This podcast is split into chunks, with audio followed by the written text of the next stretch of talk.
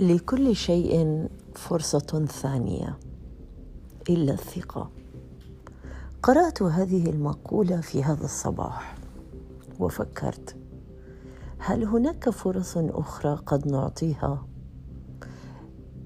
لأحداث تمر في حياتنا؟ وأنا أقول أنه لا فرصة أخرى للموت.